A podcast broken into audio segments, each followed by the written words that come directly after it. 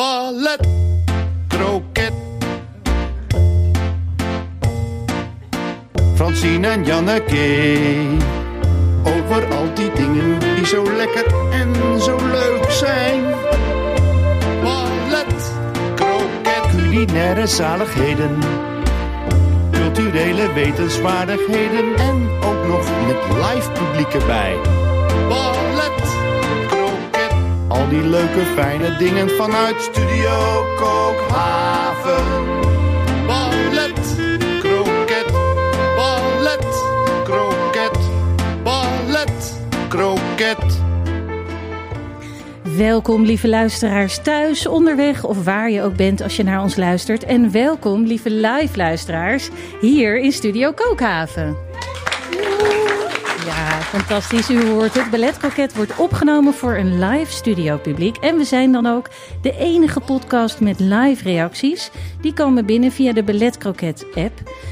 Maar verder gaan we, en ik wil niet heel erg op Diederik Ebbingen in het programma Promenade li- lijken. Maar we gaan het allemaal een beetje anders doen dan u van ons gewend bent. Want eh, ja, ik zit hier naast een lege kruk. Het is ook heet en druk. En ja, André Hazes is nooit ver weg als Ballet Croquet wordt opgenomen. Maar wie wel heel erg ver weg is, all the way in Istanbul, is onze enige echte Francine. Francine, ben je daar? Ja, ik zit in een, eh, de, op de rustigste plek van heel Istanbul. Namelijk een eh, Turks-Grieks restaurant. Waar ze zo aardig waren om mij een, eh, een plekje te bieden ergens in een kelder. Ach, wat fijn. Er, was plaats. Gelukkig. Nou, ik ben heel Er blij dat je erbij bent, zover als het ook is. Eh Francine, ik moet je even vertellen. Er is hier net weer een, een, een, een optreden ten beste gegeven door de Ballet Croquet Huisband. Onder de tweekoppige leiding van onze eigen Arend Bouwmeester en Matthijs Groené. Met vandaag Chris Korstens was erbij. Er was ook Jan Willem, van wie ik de achternaam niet weet. Die zit hier gewoon in het publiek en die zei: Ja, ik eh, kan ook op een trommel. En hup, voordat we het wisten, hadden we er een hele ritmesectie bij in de Ballet Croquet Huisband vandaag.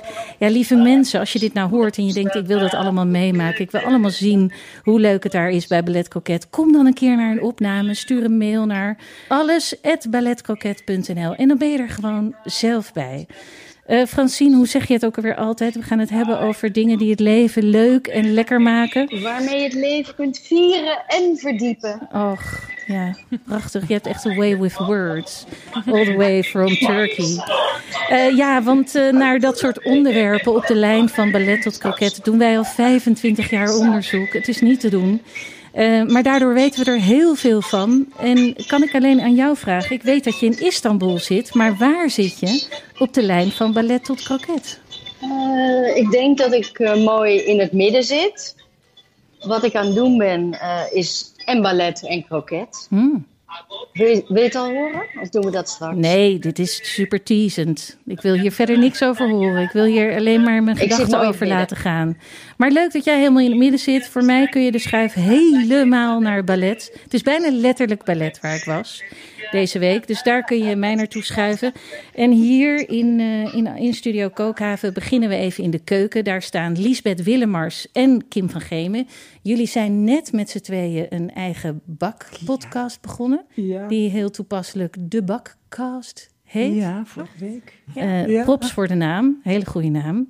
Eh, een podcast over bakken. En nu wil ik even van jullie weten, hoe staat het met het thuisbakken in Nederland? Nou, Is wordt er veel thuis gebakken?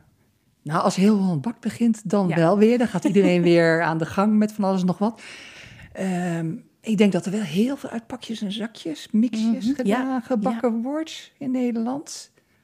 Ehm, Maar ik denk ook dat, dat heel Ook veel bakt juist heeft gemaakt dat mensen weer heel erg gaan bakken. Thuis. Ja. Misschien anders Ja. dan de Engelse traditie, maar ik denk wel dat het eh, nog steeds in opkomst is in Nederland. ja. Nou, dat Ja. is fijn om Ja. te weten. En Ja. wat heel Holland Bakt ook heeft gedaan, is jullie bij elkaar gebracht. Ja. Ja. Want we hebben hier echte deelnemers uit de, uit de tent. Jullie hebben allebei in de tent gebakken. Jullie hebben daar eh, gevochten voor wat jullie waard waren. En eh, jullie zijn er sterker uitgekomen. Ik denk dat we dat kunnen verklappen. Ja, Zeker. ja, Ja. zeker. Het heeft ons karakter gemaakt tot eh, wat het is. Ja, een vormende ervaring is het geweest. En heel Nederland heeft het met z'n met z'n Ja. drie miljoenen of zoiets eh, allemaal kunnen zien. We zijn vereerd dat jullie hier zijn. Eh, we hebben ook naast jullie onze gidsen van de avond. En gidsen, ja, dat zijn mensen die voor ons het hele culinaire en culturele landschap afgrazen. En dan vertellen over wat zij daar deze week uit willen lichten. Helena Heelgerdenaar, ster-redacteur bij de Omroep NTR-afdeling Verdiepende Kunst. Waar neem je ons mee naartoe vandaag? Ik neem jullie mee naar een drie uur durende theatermarathon. Oh, waarvan je denkt, nee, dat ga ik nooit doen. Maar ja, als je mij hebt gehoord, ga je er onmiddellijk naartoe. Ja, ik, ik ben naar allerlei lange marathons geweest. En zolang ik maar niet hoef te rennen, doe ik het graag hoor. Zeker als jij het me, als jij het me Ja, aanraadt. nee, het is allemaal heel relaxed vanuit die theaterstoel. Ach, fantastisch. Het fijne rode plush. Ja, en dan hebben we Jura Belsma, een jong talent in de omroepwereld. Eh, je werkt nu bij Kunststof. Kun je een kleine teasende blik geven op jouw onderwerp? Nou, eh, het is vandaag een historische dag in de mediawereld. Ik weet niet of Oké. jullie ervan bewust zijn, maar het is vandaag 9 oktober. En het is precies 56 jaar geleden dat de eerste blote borsten te zien waren op de Nederlandse tv. Oh, wauw. Ja, en ik ga dat vieren, dit jubileum, omdat ik het vandaag ga hebben over de intieme scène in film en in serie. En over een nieuwe documentaire genaamd Mag ik je aanraken over dit onderwerp. Ach, wat gaan we weer warm Ja. eh, door deze uitzending heen. Ik kan er eigenlijk allemaal al helemaal niet meer op wachten. Janneke en Francine. Francine, Francine, Francine. Ik schuif Istanbul weer even bij, want eh, dit wil jij absoluut weten. Dat belooft een heerlijke aflevering te worden, eh, warm en gezellig. Maar het is een podcast, dus moeten we even beginnen met waar iedere podcast groot mee is geworden. Hoe is het? Hoe was jouw week? Wat heb je gezien, gedaan, gehoord, geproefd? Ik heb van alles gezien, gehoord, gedaan en geproefd. Maar wat ik jullie wil vertellen is dat ik eh, zaterdagochtend in Istanbul ben aangekomen. En vanaf dat moment in eerste plaats ongelooflijk lekker heb gegeten. Eigenlijk overal waar je binnenstapt is het, is het gewoon lekker. Oké, mag, er, mag er een gerecht even helemaal, helemaal Nou ja, geschilderd Wat zo worden? leuk is, is- ja, ze zijn, ze zijn zo goed in de metsen. Mm. Dus die kleine hapjes, koud en warm. En die afwisseling die je dan hebt, dat is eigenlijk helemaal precies waar ik van hou. Dus je hebt een hele tafel vol.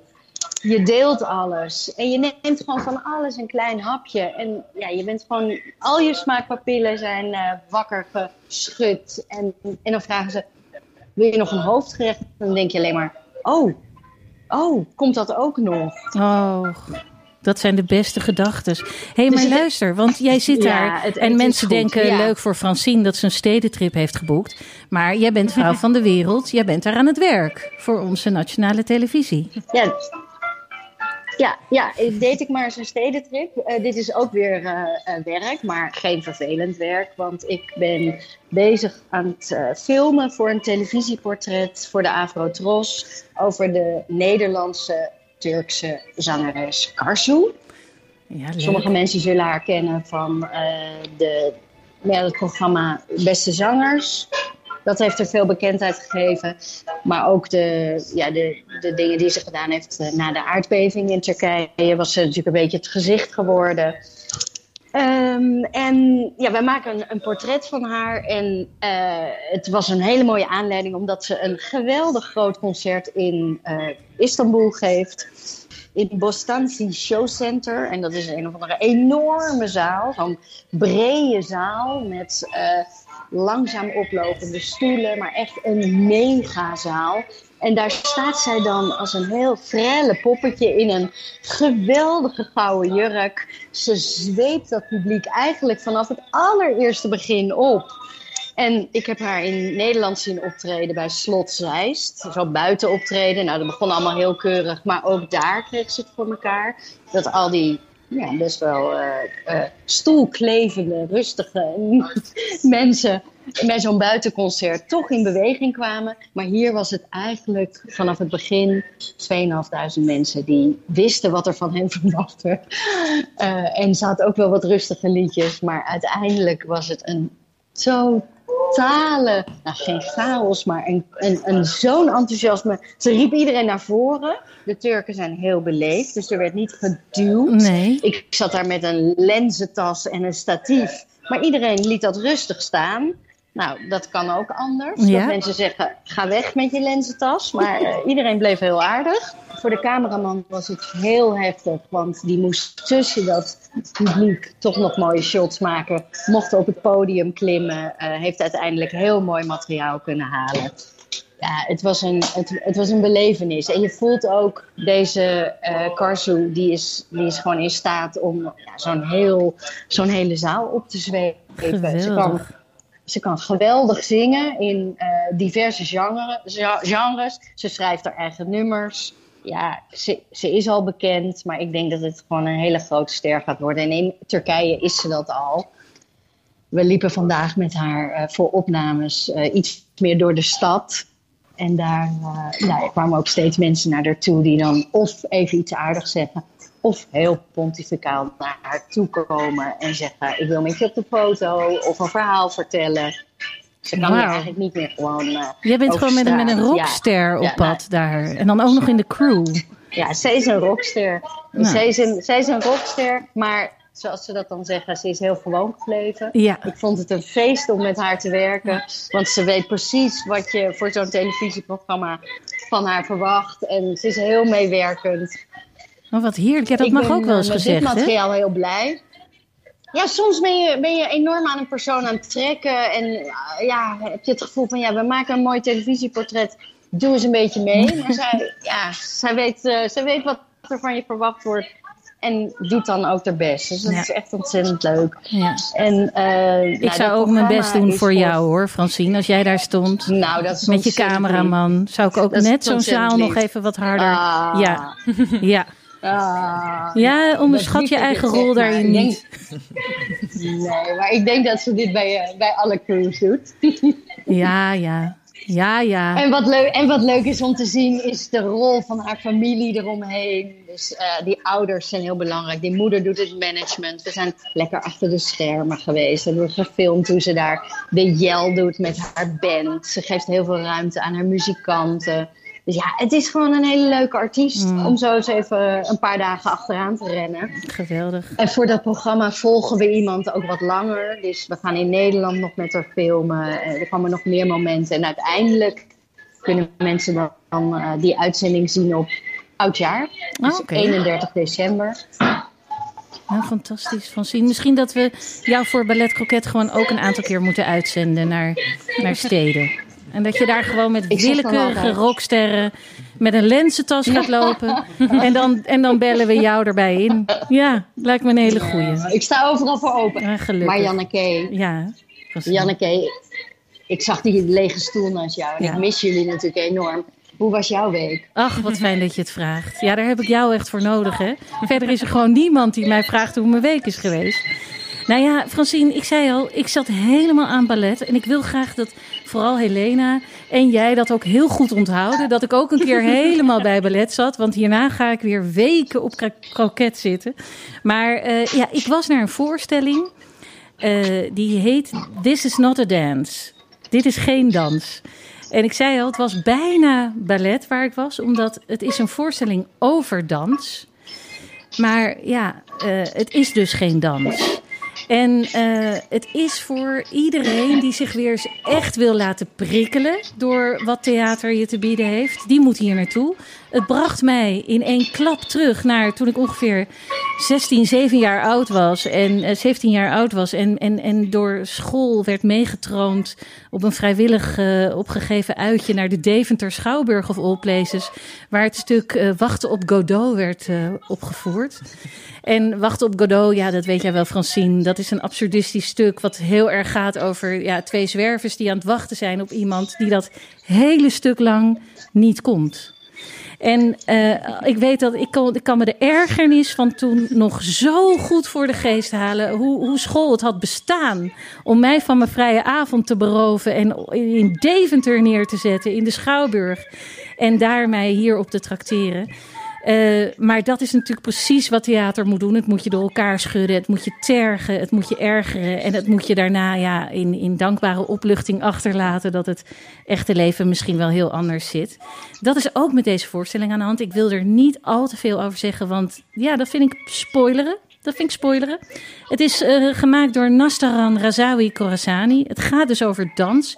In haar geboorteland, Iran, is dat verboden. Sinds de Islamitische Revolutie eh, in de jaren tachtig is, eh, is eh, daar verboden om te dansen. En de kunstvorm, moderne dans of dans, bestaat daar dan ook niet. Of toch?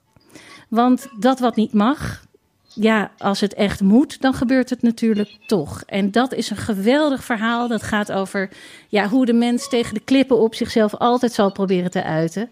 Eh, ja, maakt niet uit wat voor een idioten er aan de macht zijn. Eh, dat wat gezegd moet worden, wordt uiteindelijk, hoe bedekt, omvloerst, verstopt en eh, verborgen ook, wordt toch allemaal gezegd. Ook in Iran. En eh, dat, dat, dat, mooi. En het, ja. is het dan ook, eh, krijg je een idee, eh, is het op, op stiekeme plekken of bij mensen thuis? Of, of wat is dan de setting? Ja, ja nou, ze, ze heeft dat ook uitgelegd dat dat heel lastig is. Want er zijn natuurlijk, dus, eh, de, de presidenten die, die wisselen daar wel. Eh, je hebt natuurlijk de, eh, de, de geestelijk leiders, de ayatollahs, maar die hebben ook altijd een, eh, een soort minister-presidentachtige figuur. En die wisselen wel wat vaker dan die ayatollahs, waardoor ook wel klimaten wat, wat een beetje wisselen. En als je het dan bijvoorbeeld geen dans noemt, maar fysiek bewegingstheater, dan mag het ineens toch even wel. Maar ja, het succes van iedere onderdrukkende dictatuur is de angst dat je nooit zal weten wanneer het weer niet mag. En dat zomaar ineens ook allerlei mensen zijn opgepakt die, eh, die dans hebben opgevoerd. En dat, dat leidt tot zelfcensuur, dat leidt tot dat alles underground verdwijnt. Dat leidt tot dat je bij wijze van spreken vandaag een appje krijgt dat er vanavond een voorstelling is op dat en dat adres. En dan moeten ze maar hopen dat, dat je veilig bent, dat jij dat eh, niet zal doorvertellen en dat, eh, ja, dat het gezag een andere kant op kijkt. Ja, dus het is een heel indrukwekkend verhaal. En eh, de manier waarop, de vorm, ja, daar wil ik dus zo min mogelijk over zeggen. Maar ja, dat, dat moeten mensen zelf gaan kijken. Op nastaran.nl staat de hele speellijst. Ontzettend. Wat komt nu? Wat komt nu?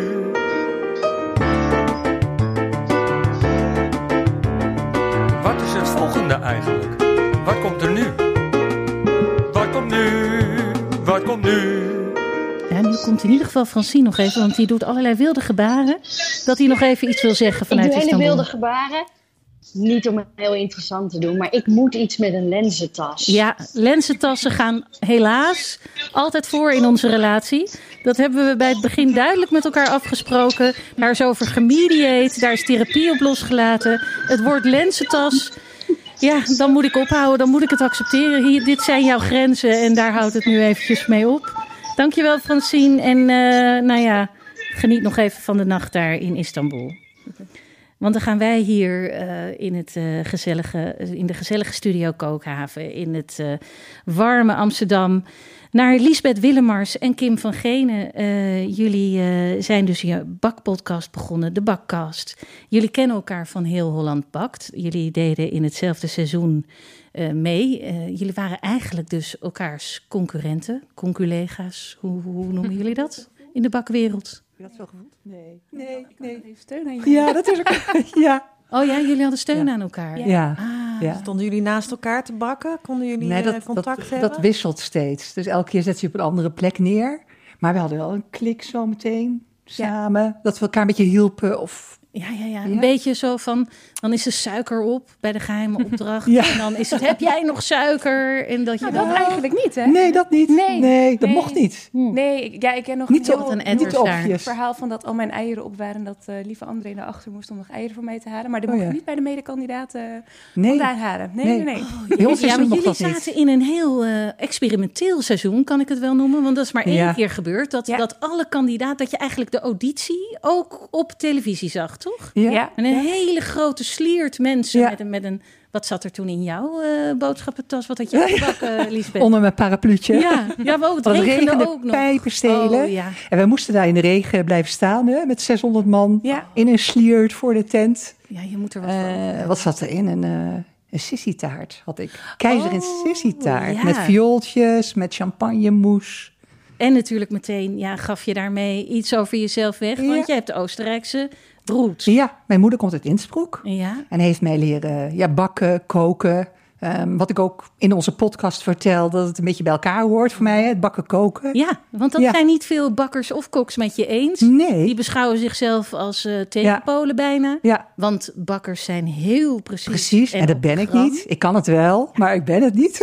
En wat ook zo is bij bakken versus koken. Koken kun je bijna ieder stadium van wat je maakt, kun je nog iets aanpassen. Ja. Je kan het heter of zachter zetten of alles. Ja. Maar bij bakken is het eigenlijk du moment dat het die Ja. normale dij de oven ingaat. Dan, Ja. eh, Al zijn wij nu met onze podcast, misschien kan jij er zo wat over vertellen, onze podcast eh, er wel achter dat er heel veel verschillende goed zijn. Ik doe nu tussen aanhalingstekens, weet je, hoe je iets maakt of hoe je iets bereidt. Weet je, je kunt het, sommigen zeggen je moet het zus doen, anderen de temperatuur moet zo. eh, Ja, nou en dat is Ja. misschien ook wel het goede aan jullie, aan jullie eh, podcast. Maar ook Ja. aan komende uit zo'n echte thuisbaktraditie. Dat het Ja. heus niet allemaal zo... eh, nee, het is niet vast in omschreven. Nee. Nee, vinden wij tenslotte hoor, maar misschien vindt een ander dat. nee, Ja. nee.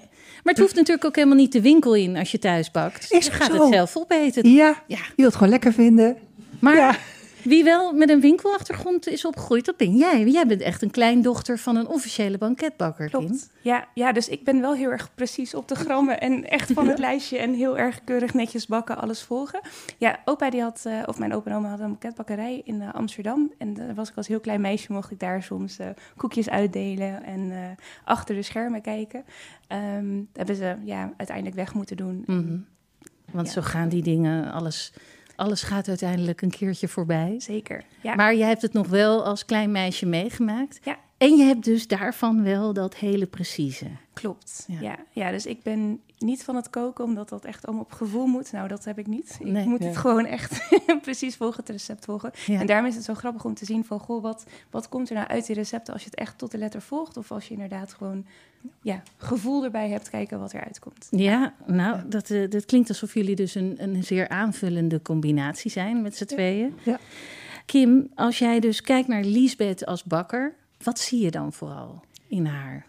enorm veel ervaring en kennis en, en inhoud over wat bepaalde ingrediënten doen. En ja, echt een ontzettende geschiedenis ja, aan ervaring, Mhm. waarbij ik ja, het nog leer eigenlijk. Ik denk misschien ook onze leeftijd is een klein Ja, beetje ja, beetje. verschillend. Er zit een kleine... Klein Ja. verschilletje in. En dat vind ik echt heel, heel erg fascinerend om te zien. Ook als ik dan weer iets, iets eh, vraag of, of iets zeg, zegt ze, oh ja. En dan komt er echt een hele lap tekst aan informatie over. Te en dat veel vind ik echt soms. Ja. ik, ja, ik hou daar enorm van. Dus daar word ik echt heel blij van. Ja, ja. ja. ja Liesbeth, hoe zit dat precies? Want je hebt het dus van, Ja. van huis uit meegekregen. Eh, en dan, Ja. nou zit je ineens in een duo met iemand die het eh volgens Dit heel letter precies. doet. Ja. Ja. nou, dat is voor mij heel goed hoor, een stukje focus. Want anders ga ik alle kanten op in mijn hoofd. En dan probeer ik ook van alles uit. En mislukt er ook heel veel. Soms gaan er ook dingen goed, hè, per ongeluk. Dat mag ook wel Dat mag ook. Ja, Maar ik ben juist heel erg weer getriggerd en, ge- en geïnteresseerd hoe Kim dat doet. Met ja, de preciesheid en ook met eh, hoe ze haar Instagram, weet je wel, hoe je dat... Hoe je dat dat snap Voor ik doet. heel erg. ja, en maar ook de podcast samenstelt, weet je, dat is ook een heel precies iets, Ja. hè, dat je heel precies moet zijn om de, eh, het geluid goed te krijgen en dat soort, ja, Ja, ja, ja. Nee, weet ja, je dans van? eh, Ja. You're preaching to the choir. petje af voor Kim. Ja, nou, geweldig. Eh, jullie zijn gewoon een gouden combinatie. De eerste aflevering staat online. Die staat op Spotify. Die gaat over cake. Ja, Eh, cake Ja. is, eh, ja, de meeste Nederlanders kennen cake natuurlijk van de uitvaart. Hè? Het gele plakje. Ja, we beginnen even in mineur, maar goed. Ja.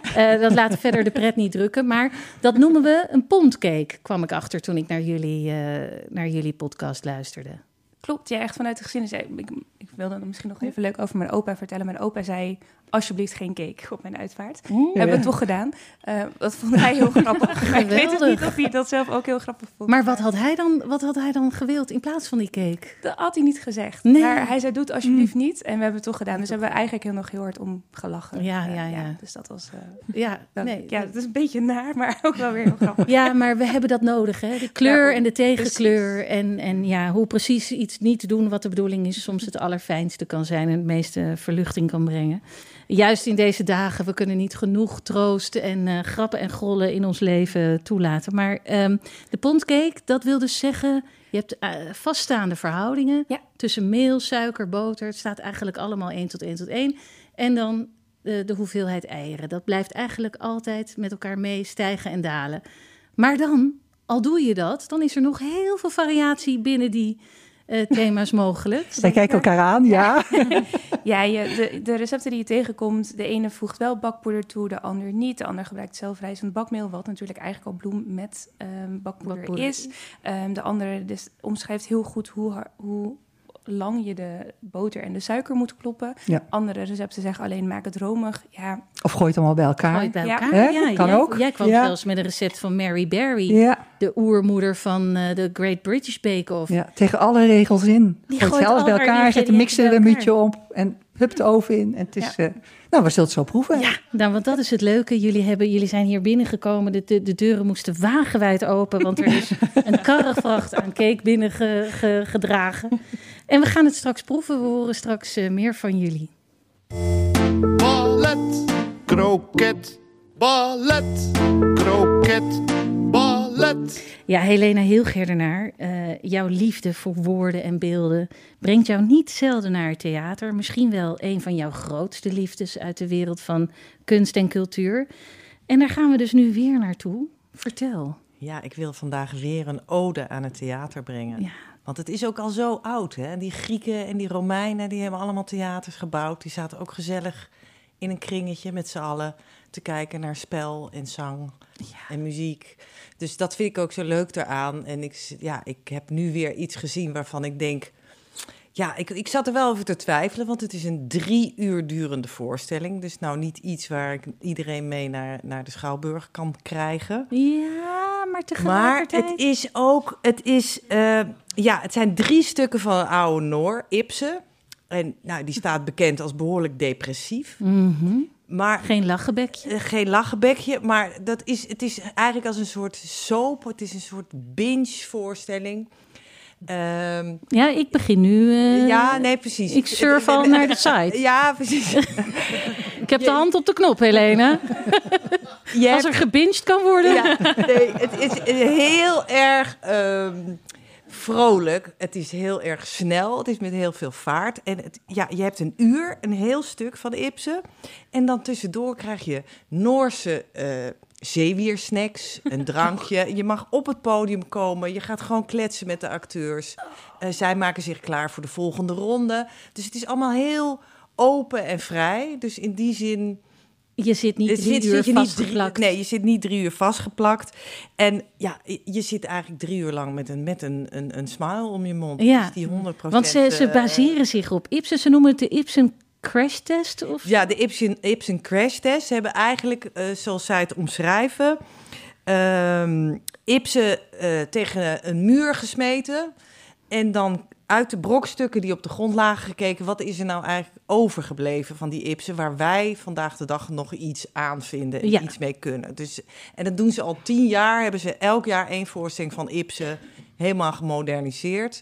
En nu hebben ze dus een één avond vullende lange marathon daarvan gemaakt. Ah, ja. En ik heb het dan over eh, Sarah Moeremans en Joachim Robrecht. Dat zijn de makers. Dat zijn de makers en die zijn eh, Vlaams en die zitten in het Zuidelijk Toneel eh, in Eindhoven, maar reizen rond met deze voorstelling. Hebben een soort vaste club van acteurs die ook een mix is van Nederlands en Vlaams.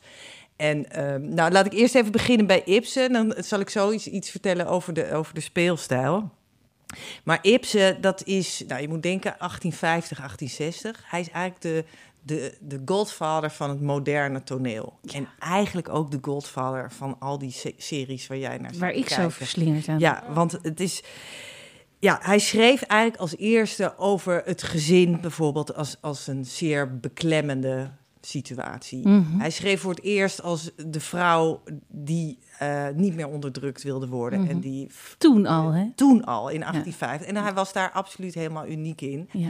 Maar hij schreef ook over hoe we allemaal, niet alleen vrouwen, proberen te ontsnappen aan wie we zijn. Maar eh, dat we altijd, dat het tra- tragiek is dat we altijd gevangenen blijven van familie, van overerfelijke ziektes, van de maatschappij, van ons eigen egoïsme, van de, de, de burgerlijkheid die we Mhm. allemaal in ons hebben. En dat we eigenlijk.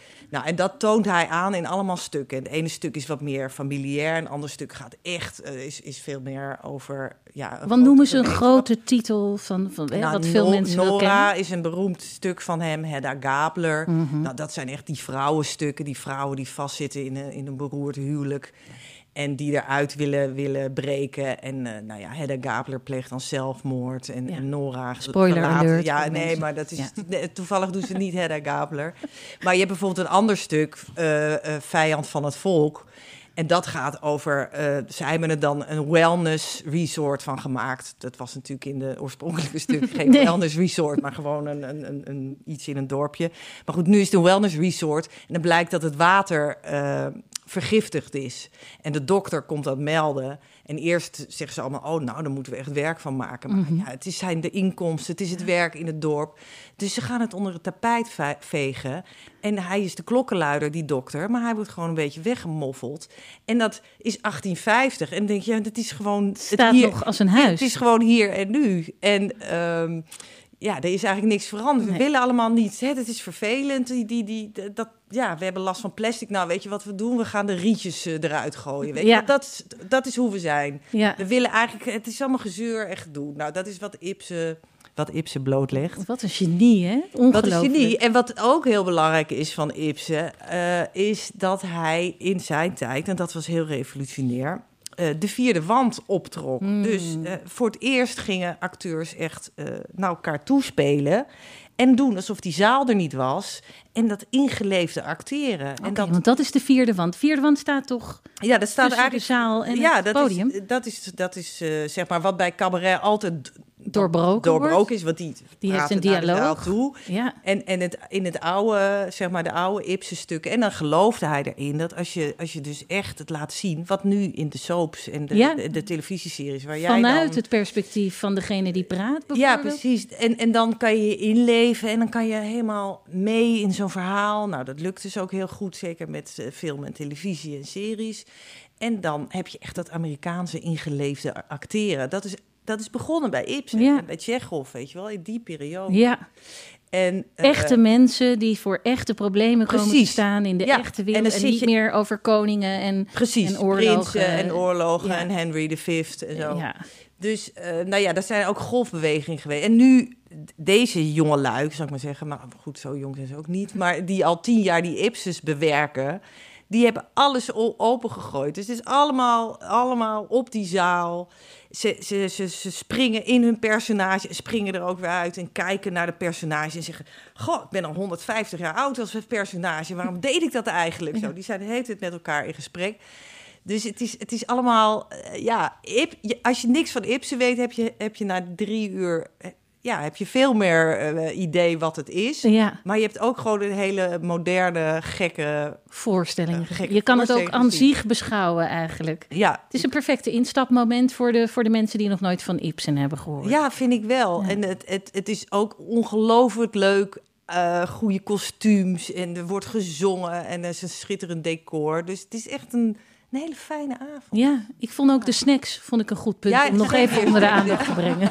Ik wist dat jij daarvoor zou Ja, ik wil dat de mensen toch even meegeven. Ik ben vast niet de enige die daaraan blijft Ja. hangen aan dat woord. Nou ja, het heet dus Crash Test Ibsen. Dat kan je wel, als je googelt, kan je dat vinden. En het was in Amsterdam. Het is nu, maar het is nu ook gewoon nog in Utrecht en in eh, Amstelveen en in Den Haag. Dus het is niet van, nou ja, dat is de. Hè, je niet kan- zo van kan- kans gemist. Nee, je kan Er nog wonen ook mensen wel. niet in Amsterdam natuurlijk, Precies, dat mogen we daar- niet vergeten. Nee, dat is ook Nee. zeker zo. Ja. Dus ehm, ja. Nou, leuk. Oké. eh, eh, NZT.nl. Nee, HZT. Het, Het zuidelijk toneel. Ja, hzt.nl. Oké, ik ga even gokken waar we nu zijn. Ik denk hier. Dingen met dik. Dingen met dik. Dingen met dik. Dingen met dik. Dingen met dik. Dingen met dik.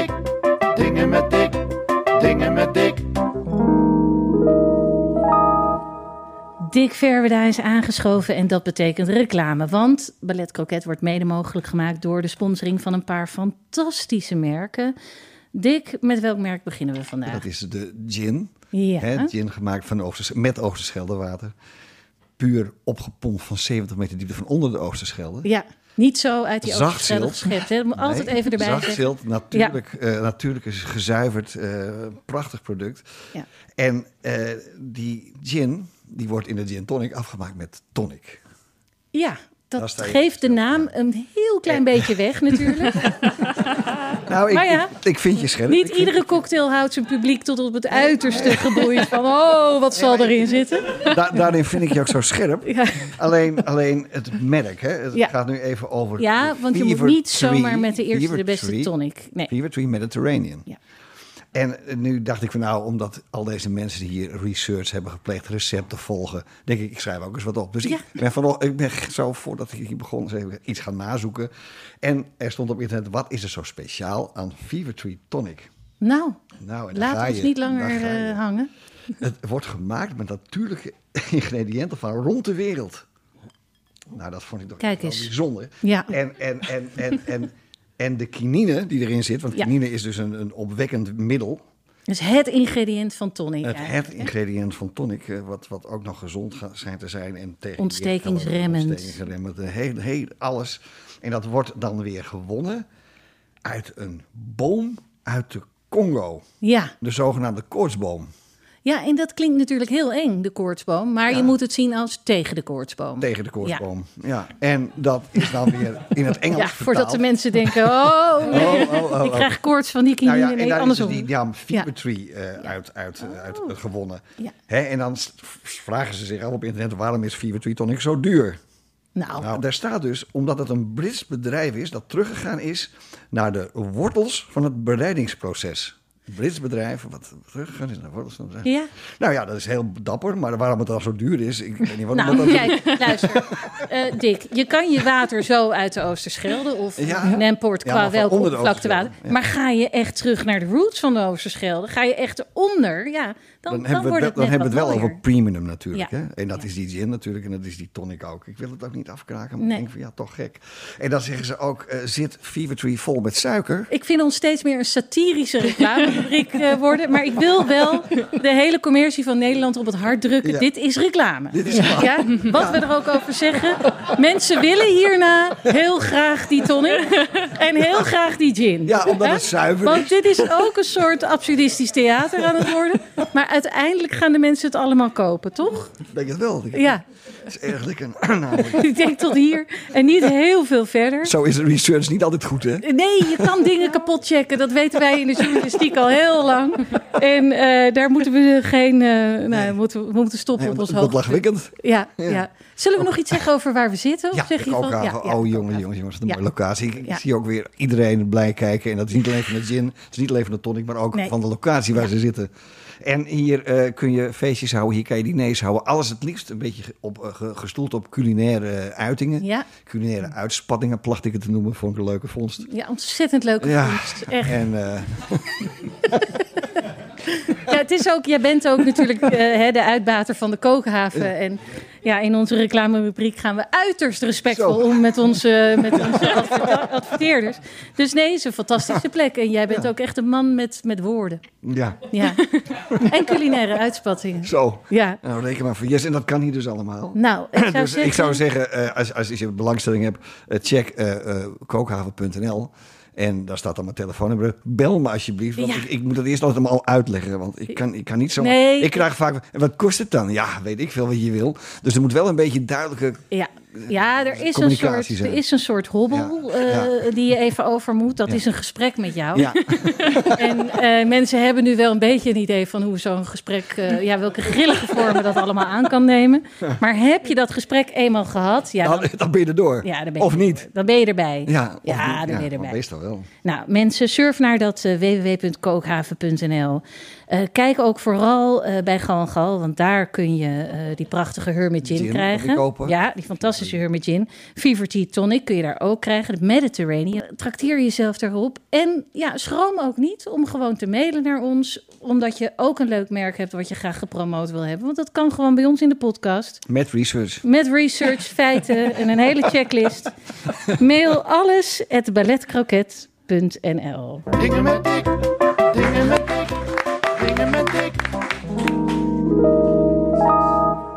Ja, dat was de hallucinante adverteerdersrubriek van Ballet Croquet. Maar gelukkig eh, gloort er weer ontzettend veel licht aan het einde van die donkere tunnel. En eh, zit Jura Bijlsma daar, een van de jonge talenten uit Omroepland. Vorige week kwam je onze podcast binnengedenderd met een geweldig verhaal over Donna Tart en de trend van de Dark Academia. Dankjewel. Ja, dat is heel ik, leuk. eh, ik heb eh, nog nachtenlang niet goed van kunnen slapen.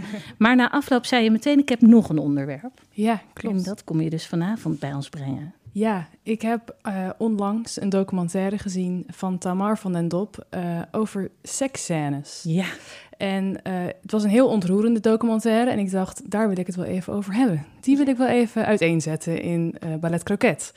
Maar om dat te doen wil ik even wat audience participation aanvragen. Ah. Want ik heb even een vraag aan het publiek en aan de mensen hier aan tafel en aan de luisteraars thuis. Denk vooral ja mee. denk mee. De vraag is, mensen hier, hoeveel van jullie, en steek je hand op als dat zo is, hebben wel eens een onrealistische seksscène gezien op tv en film?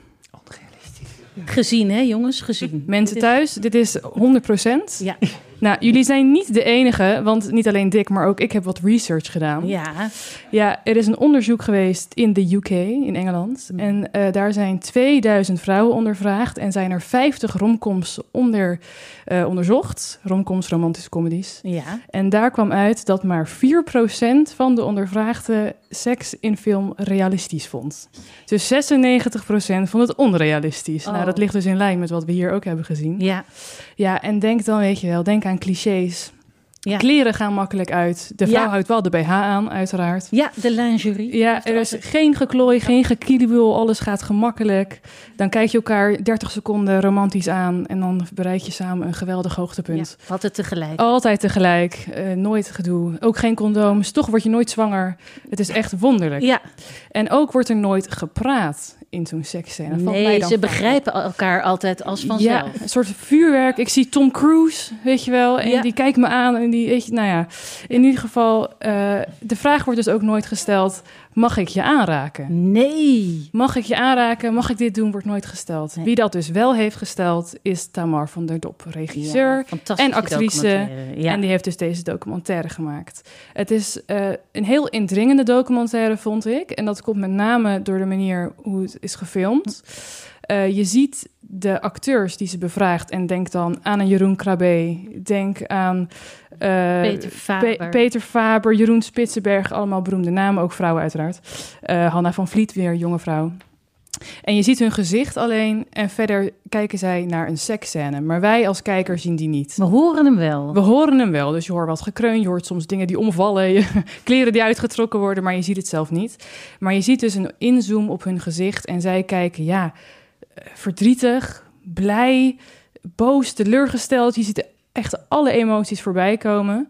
Eh, en, daar, en daaromtrent wordt dan dus besproken wat zo'n seksscène met hun deed. Ja, Want zoals wij al hebben besproken net, nou wij vinden het soms ongemakkelijk en onrealistisch om te zien. Maar hoe is het dan voor hun om zo'n scène te spelen? te moeten uitbeelden. Nou ja. ja. dat is dus niet altijd even leuk. Nee. En de meningen zijn er wel heel erg over verdeeld, kom je achter gedurende die documentaire. Eh, oudere mannen, mannen, met name moet ik even zeggen hierbij, denk Mhm. aan een Jeroen Krabbe, die vindt dat het allemaal eh, prima is. En je mag eh, in zo'n scène, ben je ook vrij als acteur natuurlijk, om je te uiten. Eh, maar jongere mensen en ook veel vrouwen die zeiden, ja nou... Soms gebeurden er wel dingen tijdens zo'n scène, tijdens zo'n shoot. En dat vond ik eigenlijk helemaal niet fijn. Nee.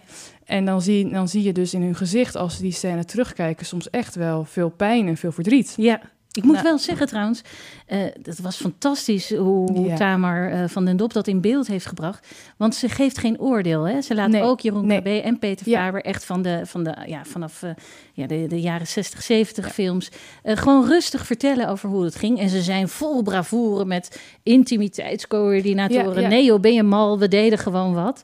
Maar toen kwam Jeroen Krabbe eenmaal op een herinnering van een scène waarin hij voor zichzelf iets te ver moest gaan. En toen, toen kwam wel degelijk een andere trek ook bij hem op het gezicht. En eh, zei hij, ja, dat vond ik ook echt niet leuk dat ik dat toen eh, moest doen. Ja, en het is natuurlijk sowieso wel een interessant onderwerp überhaupt. Want als acteur, hoe vrij ben je in sowieso wat je Mhm. doet? Want je speelt natuurlijk een personage. Maar in een seksscène werd dus vaak, dat zie je ook in de documentaire, werd vaak tegen hun gezegd: Oh, doe maar wat. Of mag het wat geiler? Van die regieopmerkingen waarvan je denkt: wat moet ik daar in vredesnaam mee? En ja, dan ga je toch ook putten uit je eigen ervaringen. Ja. Dus in hoeverre is het dan nog spelen, kan je je afvragen. Ja. Nou, daar hebben ze dus ook over. Hoe ga je, dat, hoe ga je daar in het hedendaagse leven, met MeToo ook, hoe ga je daarmee om? Nou, jij zei het net al, bijvoorbeeld een intimiteitscoördinator. Dat is een heel mooi woord.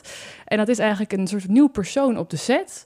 Die helpt met vragen als... eh, nou, er komt zo meteen, komt er, eh, is het plan een, een scène waar je met tong gaat zoenen. Eh, vind je dat oké? Nou, en dan is de vraag ja of nee. Ja. En dat geeft je toch alweer zoveel autonomiteit. Ja. En je kan dan ook zeggen, ja, dat vind ik goed. En van mij mag ook wel mijn shirt uit Ja, bijvoorbeeld. Dus dan voel je je veel fijner.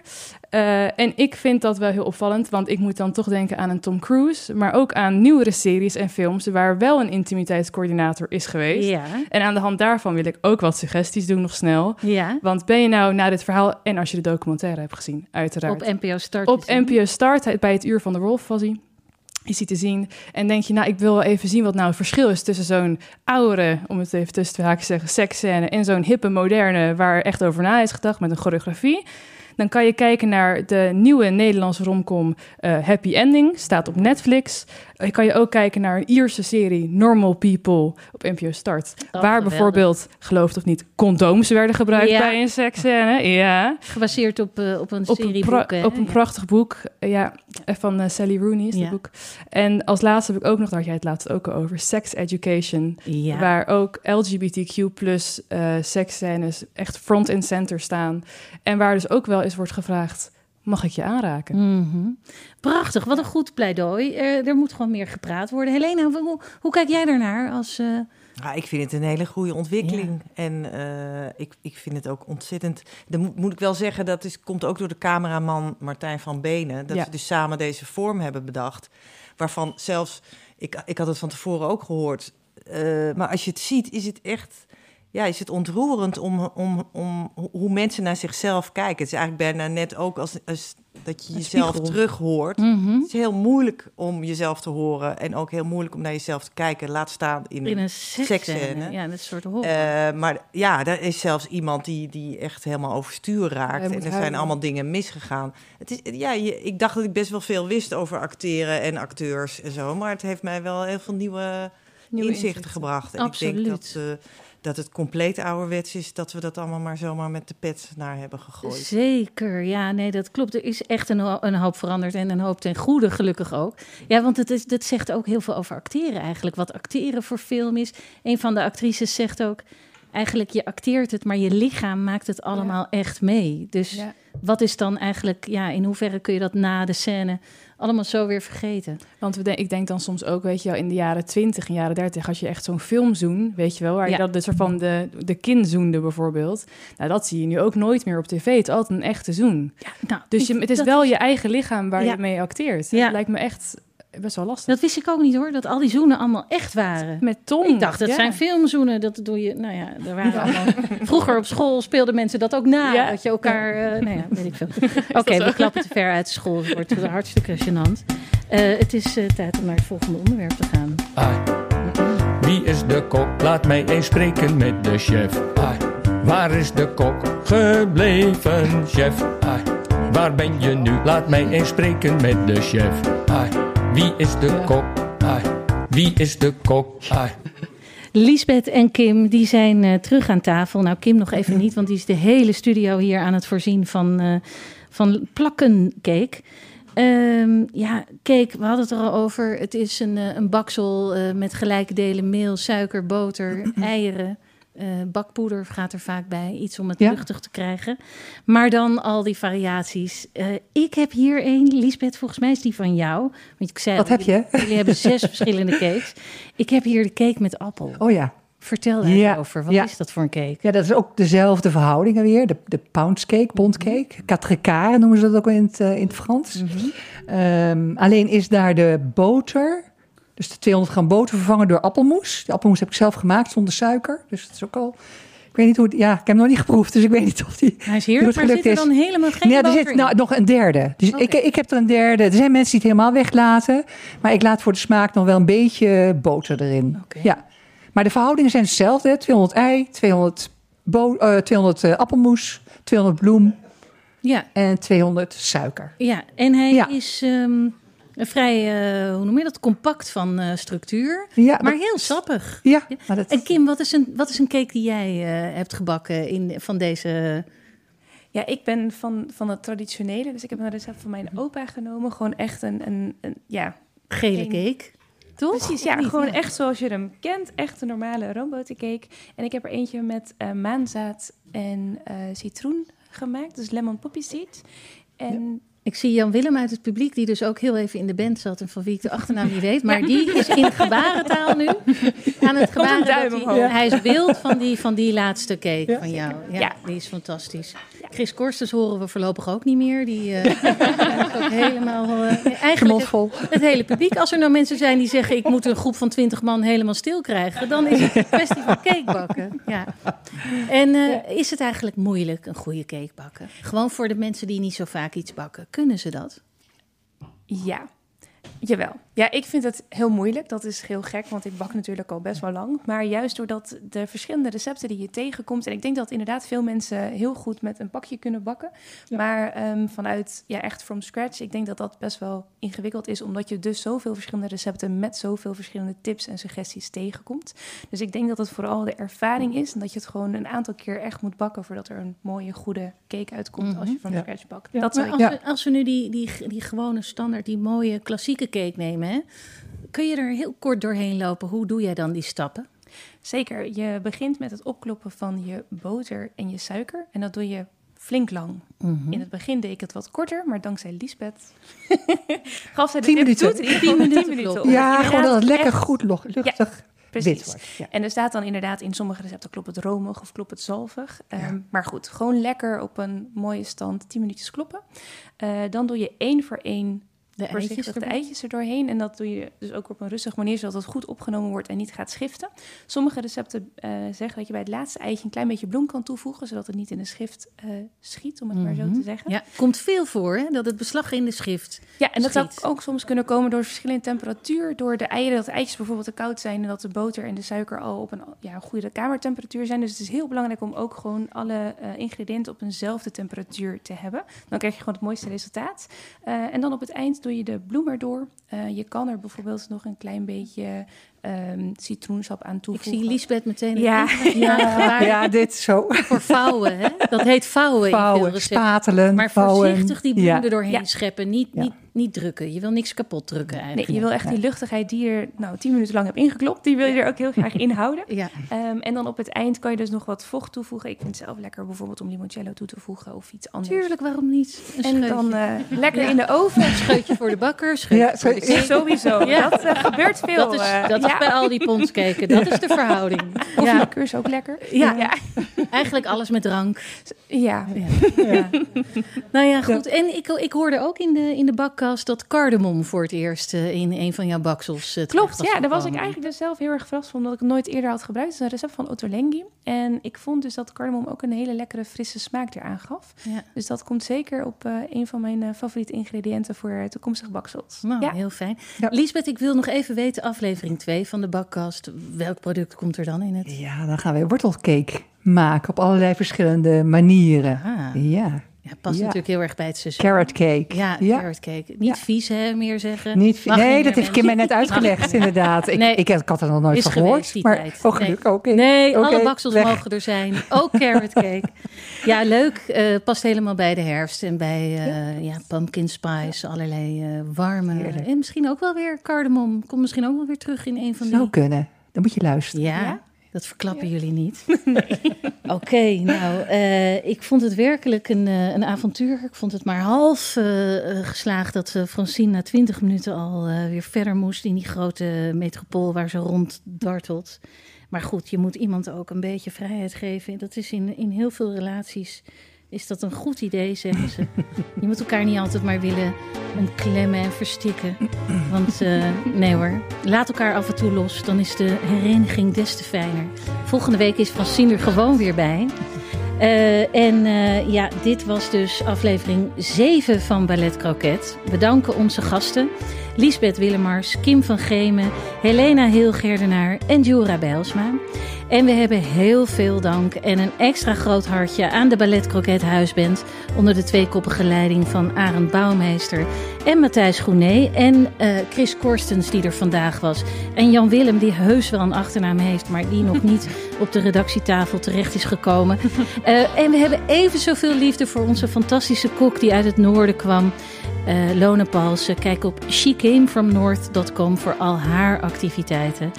Ballet Croquet werd opgenomen voor een live studio publiek. En wilt u nou ook een keer komen kijken en genieten van die muziek en de goede sfeer? Stuur een mail naar alles@balletcroquet.nl. Ook als u wil adverteren, ook als u gewoon wil laten weten hoe uw week is geweest. Mail het allemaal naar alles@balletcroquet.nl. En we zitten ook op Instagram en daar hebben we eh, DM.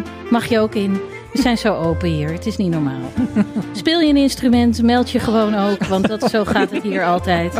Eh, met dank aan de meest gastvrije Fries in Amsterdam, Dick Verweda van Studio Kookhaven. Tot volgende week. Ciao.